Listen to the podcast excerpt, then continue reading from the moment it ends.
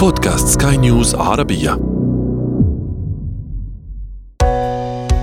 حياتنا.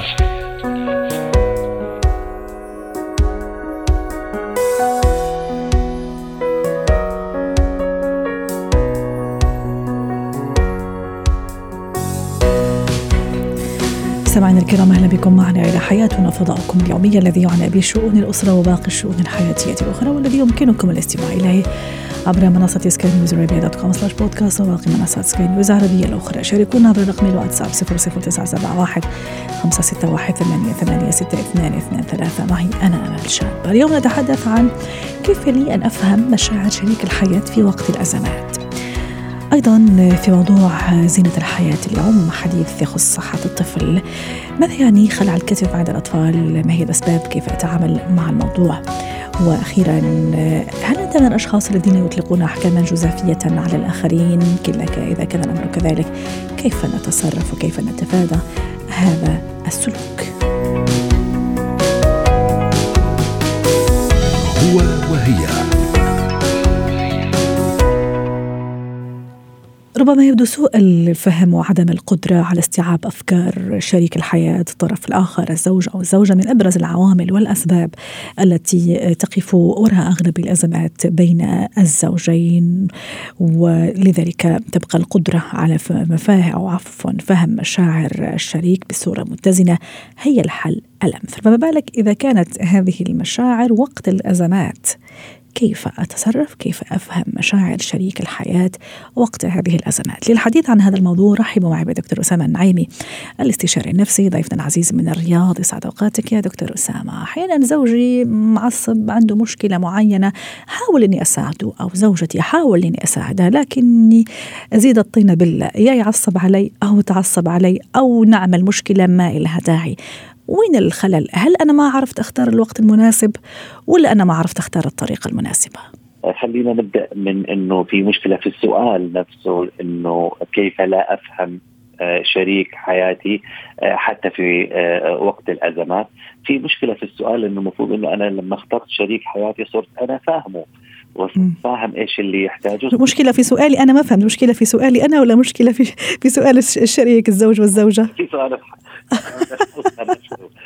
لكن لكن أنا أتفق معك بعض الأحيان إنه إحنا كبشر إحنا نتغير بعض الأحيان أي. بعض الأحيان بالعشرة أو بالعمر أو بزيادة الضغوطات قد تطرأ علينا بعض الأحيان تغييرات تجعلنا وكأننا أصبحنا أناس متغيرون أو مختلفون عن الأشخاص الأوائل اللي ارتبطوا، لذلك هنا يكون سؤالك صحيح إذا تغيرت الأمور وجاني زوجي بشيء لم أكن أتوقعه ماذا يجب أن أقوم به؟ أعتقد الاجابه أنا أنا ما فهمت أنا كمان ما فهمت هون كيف يعني يجيني بشيء غير متوقع. إحنا موضوعنا أو سؤالنا دكتور أسامة إنه زوجي عم يمر بأزمة ممكن مالية ممكن نفسية عنده مشكلة ما معينة أنا حاول إني أساعده بس ما عم أعرف إني أساعد. بس إحنا أثناء الفترة الماضية من العلاقة سواء كانت علاقة زوجية أو حتى علاقة شراكة آه كنا وصلنا إلى مرحلة من التفاهم انه استطعنا أن نضع أساسيات التعامل بيناتنا ودور كل واحد مننا في الحياة العادية وفي الأزمات. مم. بعض الأحيان تطرأ أشياء جديدة على آآ آآ حياتنا تجعل تدخلنا في هذه النقطة وكأنه مستغرب من الطرف الآخر. يعني مم. مثلا كانت لما أنت كنت تتكلم عن المشاكل المادية فإحنا كنا دائما كأزواج نمر بمشاكل مادية ندخل فيها ونتساعد مع بعض وينتهي الموضوع. لكن قد يقوم أحد الأزواج بمغامرة تجارية بدون أخذ رأي الطرف الآخر أو مثلا قد يتعرض مصدر رزقه الأساسي اللي تقوم عليه الأسرة إلى هزة. في هالحاله هو ما يعرف لن يمر بمثل هذا الظرف ولا يعرف كيف يطلب المساعدة. فيصير إحنا دورنا هنا يعني أكثر ضبابيه إنه كيف اللي إيش الشيء اللي إحنا ممكن نقدمه لهذا الإنسان.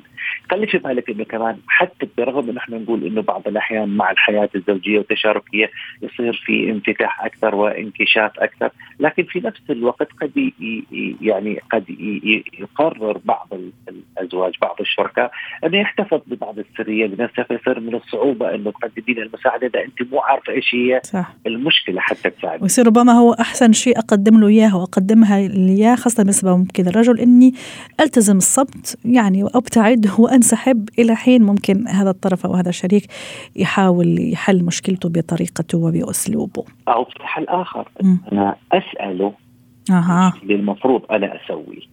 يلا قلنا إيش نسوي يا دكتور يا أنا قصدي أنا أسأله إنه إيه؟ يا فلان يا فلانة إيش اللي أقدر أنا أقدمه حتى أساعد هل هل تحتاج من عندي كذا؟ هل تحتاج من عندي كذا؟ هل وجودي كذا؟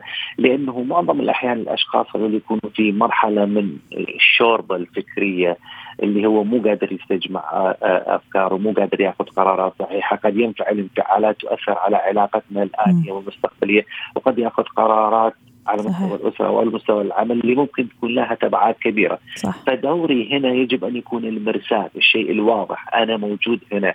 لا تخاف. متى ما تختلف عليك الأمور أنا موجود. امسك أنا موجود عشان وأنا موجود من غير ضغط يا دكتور أسامة صح؟ لأنه أحيانا ممكن أنا أقول أنا موجودة.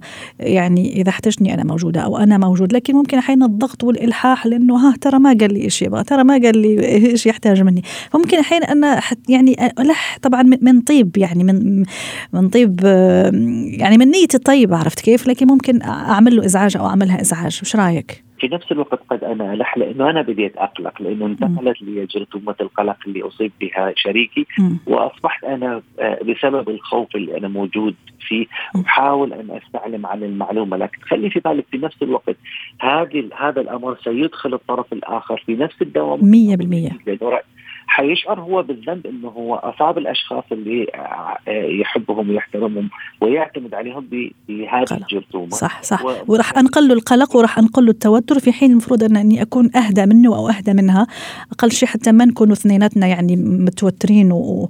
ويعني عندنا هذا الخوف والقلق. دكتور أسامة أحيانا أيضا وأنا عم أحاول إني أساعد زوجي أو زوجتي. ممكن ألوم ممكن أعطي نصائح من غير ما يطلب من غير ما تطلب. أرجع أذكرها بالأخطاء اللي عملتها واللي مش عشان هيك هي فيها المشكلة أو هو فيها المشكلة. يعني إلى أي درجة أنا لا مخطئة أو أنا عم حاول أساعد بهذا الطريقة أو مخطئ وأنا عم ساعد بهالطريقة أعتقد هذه واحدة من مآسي العلاقات الاجتماعية اللي نمر فيها اللي يعتقد بعض الأشخاص أنه هو هذا الوقت المناسب لإعطاء الموعظة والدروس وتذكير الآخرين بأخطائهم وربما كمان تسجيل بعض النقاط الاجتماعية والنقاط آه، حتى السلوكية ضدهم ولمصلحتنا. وهذا اللي يخلق في المستقبل جدار كبير بحيث إنه حتى إذا احتاجنا هذا الإنسان لن يلجأ لنا مرة أخرى لأنه يعرف إنه راح ينتهي الأمر بأسلوب اللوم والجلد. والتفكير بالأخطاء. والتفكير بالأخطاء وأنت مسوي كذا.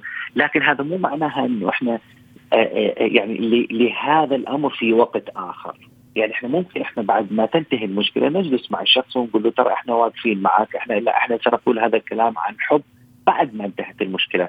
م. كان المفروض إنه ما تسوي كذا كان المفروض ما تدخل بمغامرة آه، تجارية بهذا كان المفروض إنه ثقتك بالناس تكون أقل أو أكثر. كان المفروض إنه تستشير الأشخاص الآخرين. كان المفروض تلجأ لنا في مرحلة مبكرة وربما استطعنا أن نساعدك بهذه الطريقة وبهذه الطريقة. لكن مش في وقت الألم. في وقت رائع. الإنسان يبحث عن اخماد الالم حتى يستطيع انه يفكر بعقلانية بموضوعيه يقدر يأخذ قرارات لكن لو إحنا استمرينا ننكأ في الجرح أول شيء راح يسوي الإنسان أنه يبتعد عننا. وهنا بدأت أول الجدران بيننا وبينه.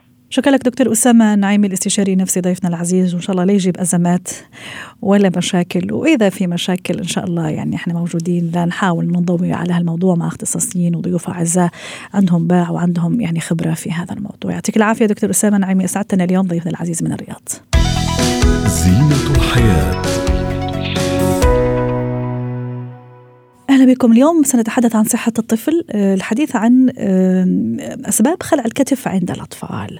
مشكلة ربما تحدث كثيرا خاصة مع الرضع مع حديثي الولادة في سنوات الطفولة الأولى لأنه الجسم الصغير يكون يعني غض ويكون طري جدا أحيانا بأسلوب أكيد غير مقصود لكن ما في كثير من الخبرة وما في كثير من التجربة ممكن قد نتسبب في هذه المشكلة لأطفالنا خاصة الرضيع كما قلت في السنوات الأولى من عمره. للحديث عن هذا الموضوع رحبوا معي بدكتور مدحت خفاجي استشاري العظام والمفاصل يسعد أوقاتك يا دكتور مدحت.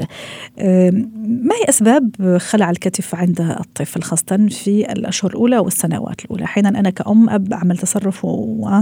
وتصير المشكلة. الكتف خلع الكتف ليس بالمعنى أو المصطلح العلمي الصحيح. آه خلع الكتف يكون ناتج عن إصابة أو خلل في الضفيره العصبيه للفقرات العنقية وهذا ما يحصل أثناء الولادة في أغلب الأحيان.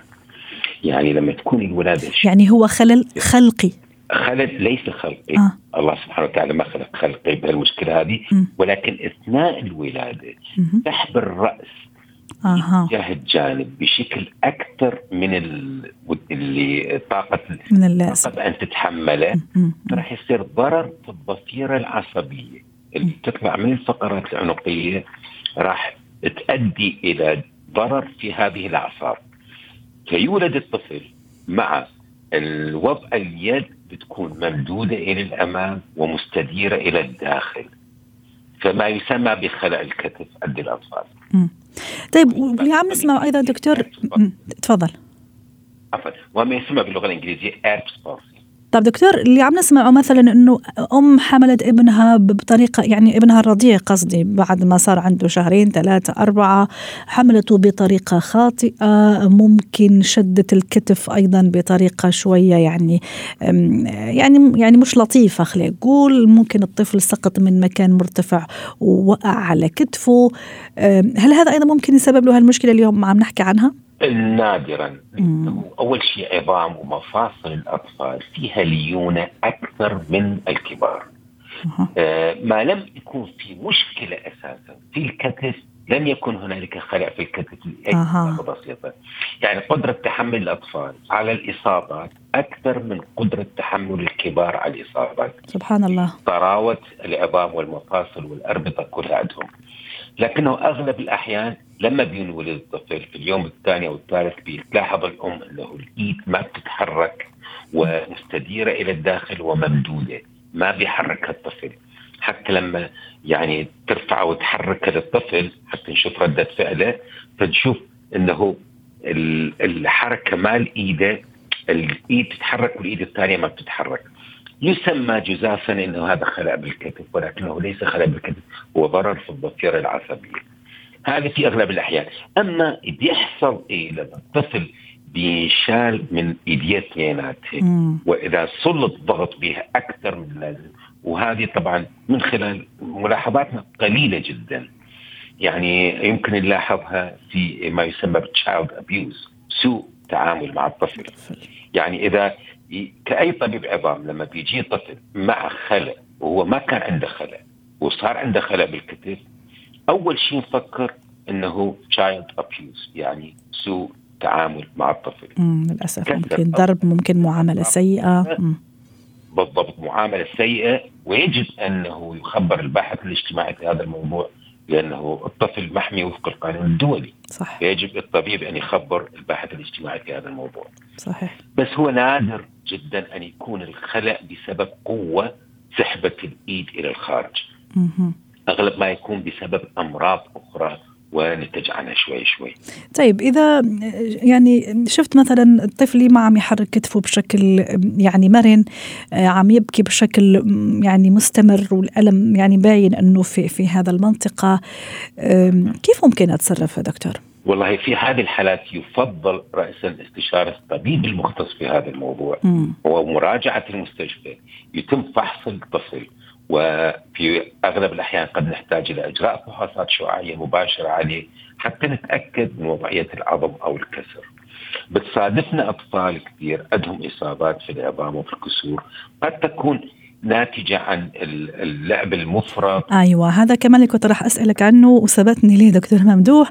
حضرتك تحدثت عن ممكن معاملة سيئة للطفل ممكن تعرضه للضرب الاعتداء عليه للأسف وزي ما تفضلت أنه المفروض أنه محمي بقوانين ونحن أيضا من هالمنبر كمان يعني وظيفتنا أنه دائما نذكر بهالموضوع. أحيانا لا من كثر ما أحبه أنا وبدي ألعب معه ممكن أشيله بطريقة خطأ ممكن أرفع ذراعيه شوية زيادة.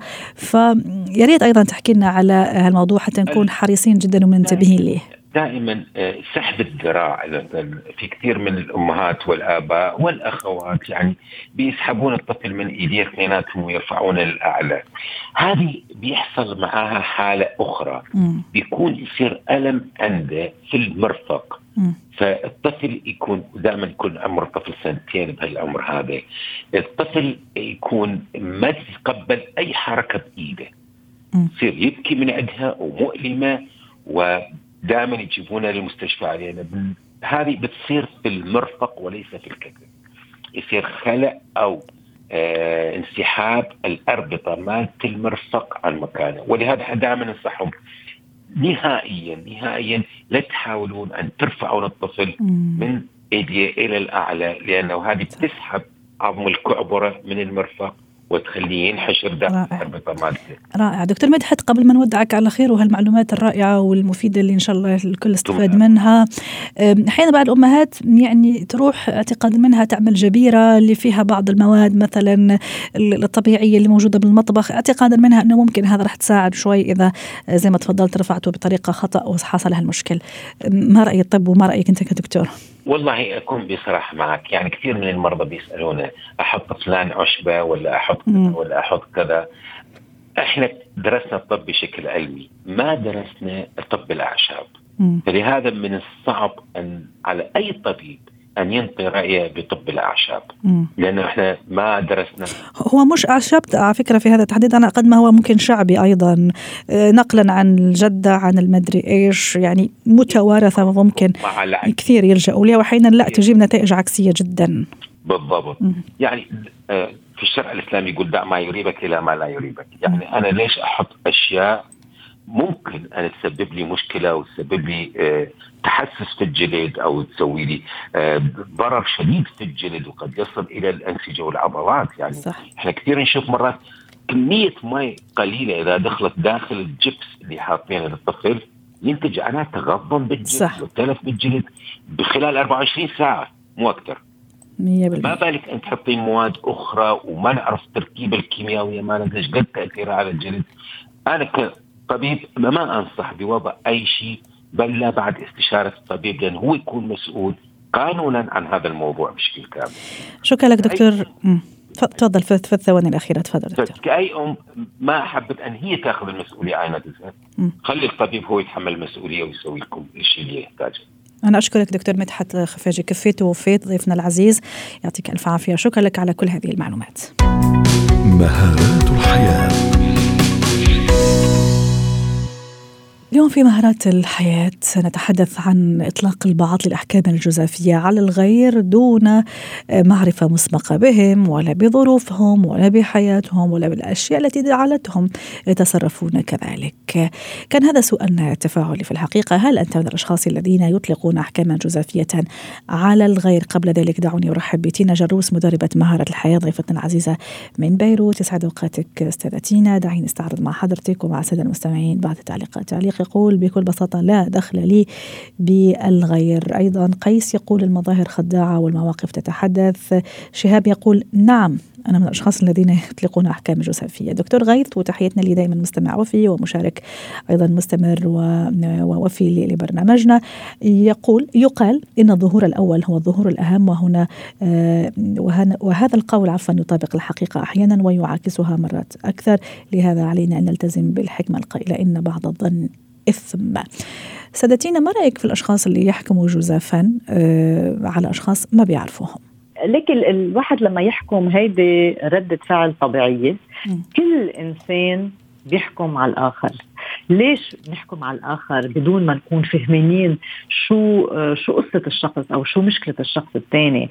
هي لأنه آه، الفهم بده طاقة وبده مجهود. فأنا تأفهم قصة هذا الشخص أو هالموضوع أو هالوجهة النظر اللي عم يحكي فيها. لدماغي اهين أحكم عليه قبل ما أتفهم شو قصته. فدغري نحن بنعمل هال shortcut صح. نحكم على الشخص الثاني بنعطي رأي وبنحكم عليه. ولكن ولكن شغلة كثير مهمة إنه بضل عنا خيار بهيدا الأمر. فما معناتها okay طبيعة الإنسان هيك فأنا هيك ما فيني أتغير. لأنه هيدي لها اساءه بالنهاية لما صحيح. نحكم على الشخص الثاني. صحيح. ومثل ما قال أيضا الدكتور غيث يعني إن بعض الظن إثم والايه كريمة. أيضا الآية الكريمة يا أيها الذين آمنوا اجتنبوا كثيرا من الظن إن بعض الظن إثم. يعني ففعلا يعني راح نسيء للناس وممكن حتى نسيء لأنفسنا. وممكن حنا نضل دائما في في هذا الدوامة. عرفتي كيف؟ إنه أنا فلانة أطلقت عليها أحكام جوزفية. طيب أوكي. وفلانة وفلان فهذه مشكلة أيضا. أنا ما راح أعرف أرتاح. هلا اجى شغلة كثير مهمة. إنه أنا ما راح أرتاح. ليش؟ لأنه أنا لما أحكم على الشخص الثاني الغلط مش الشخص الثاني الغلط أنا. أنا. فيي أنا. يعني أنا لما أعمل هالحكم على الشخص هيدا الشيء بيعكس هيدا الشيء يلي بقلبي يلي أنا مني متقبلته أو أنا مني مسالمة فيه. فبعمل هالحكم على الشخص بعمل بروجكشن تماما. يعني نعمل إسقاط. أحيانا سادتينا لأنه عندي تجارب سيئة في هذا الموضوع فدغري على طول لأنه أنا عندي تجربة في موضوع فلاني كذا كذا فأكيد راح أحكم عليه بالسلب. لأنه كلنا عندنا هالإعتقادات إنه هيدا ما خلص دراسته يي ساقط بالمجتمع. م. فأنا لأنه أنا بعتقد هالشيء وأنا بحمل هيدا الاعتقاد دغري بزبطه على الشخص الثاني إنه هو إذا ما خلص دراسته يعني فاشل بالمجتمع. هيك بنعمل أحكامنا فبتطلع بتنبع منا نحن. نحن الأشياء اللي ما بنحبها بحالنا أو نحن ما بنرضيها فنحن شو بنربط القيم تبعيتنا قيمنا الشخصية على الآخرين. بس هديك الشخص حر هديك الشخص عنده غير حياة غير مسار غير, غير شخصية. مشان هيك غلط إنه نحكم على الشخص الثاني. لأنه ما بيصير أنا أعمل automatic autopilot يلي بيناسبني. بيناسب الآخر. اللي أنا رأيي فيه صح لنفسي هو المفروض يكون صح للشخص الآخر. فهون بنعمل حكم وبنأذي الشخص أكيد صحيح. انه بنوصل على وضع بيسيء بهالعلاقة مع هالأشخاص. وحتى وضعنا مع نفسنا يعني إذا كنا فعلا نحن صريحين مع أنفسنا اولا قبل أي حدا ثاني أشعر بالخجل شوي إذا أطلقت حكم أو أحكام عفوا جزافية على شخص وأثبت إنه لا يعني أنا ظلمته أو ظلمتها ما كان لازم أخذ هذا الأحكام الجزافية. طيب ستينا أنا عندي هذا المشكلة. أبغى أتخلص منها كيف أتخلص منها؟ كيف حتى أصير أنا كأمال مثلا؟ طبعا أنا أحكي جزافا مش حقيقة. إنه أنا أتخلص بالمشكلة وما أصير احكي مع الأشخاص إلا لما أشوفهم وأعاشرهم وأحكي معاهم وأخذ وأعطي والمواقف و المشكلة من وراء الحكم إنه بصير اوتوماتيك عنا okay؟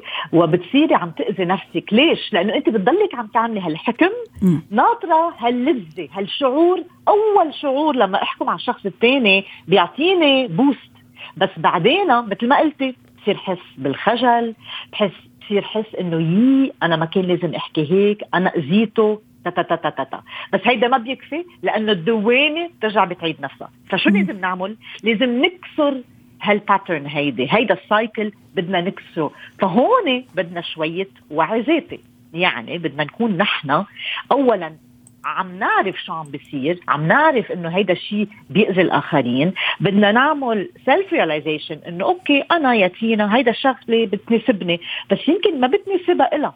بدي أفهم الشخص الثاني من وين جاي. بدي أحط حالي محله. رائع. كثير كثير صعب هيدا الشيء وأنا بعرف إنه الواحد صعب ما يحكم على الآخرين. ولكن بس خطوات صغيرة كثير بتحسن من هالموضوع. حط حالي محله. آه هو جاي من هيدا المجتمع. آه هيدا ظروفه هيك. آه منشان هيك عم بيتصرف بهالطريقة. فهون وصلت لمفهوم أنا. لما أوصل لمفهوم وقتها الاستعداد إنه أحكم عليه بيوتا كثير عندي. رائع. فهول القصص الصغيره وكمان لاحظ أنا أفكاري. يعني أعمل حسابات بيني وبين نفسي. أنا يا ترى كان حلو إنه كيف جاوبته إنه أنا شو كسبت بهال بهالشغلة؟ أنا شو ربحت؟ فيصير في شوية تعاطف أكثر مع الآخرين. يا ريت كل الناس بتزيد شوية هال هالتعاطف مع الشخص الآخر. ناخد لحظة لحظة هي بتاخد لحظة ثواني. قبل ما أحكم اسأل حالي أوكي هو منه أنا. ليه أنا بدي أحكم عليه؟ خليني أفهم هو شو قصته قبل. رائع.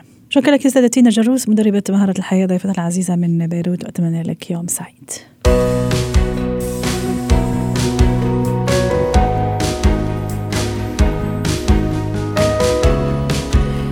ختم حلقة اليوم من حياتنا. شكرا لكم وإلى اللقاء.